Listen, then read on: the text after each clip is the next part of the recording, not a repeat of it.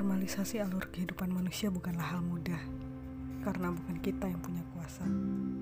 Manusia kadang selalu mengadang-adakan standar hidup.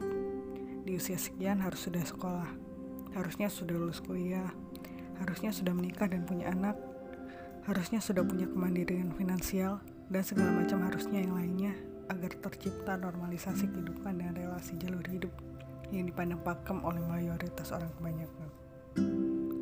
Kau terbangun dari sela-sela jam istirahatmu, menyeka keringat yang membasahi baju kaos yang kau kenakan.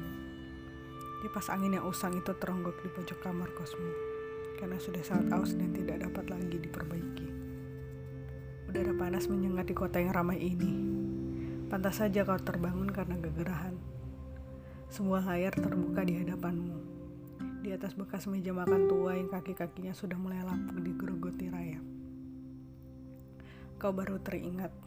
Kau kelelahan lalu tertidur pula hingga lupa mematikan laptop yang baru saja kau gunakan sejak pagi.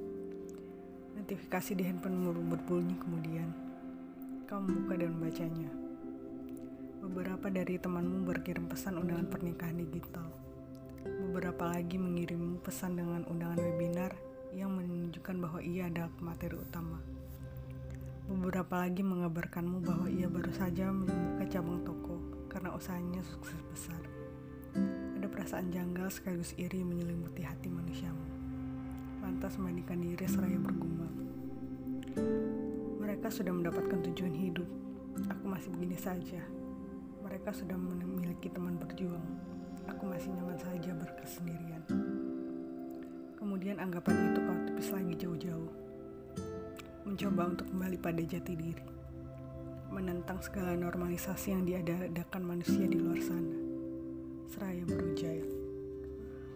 Tidak apa, yang penting sudah ikhtiar dan senantiasa mencoba.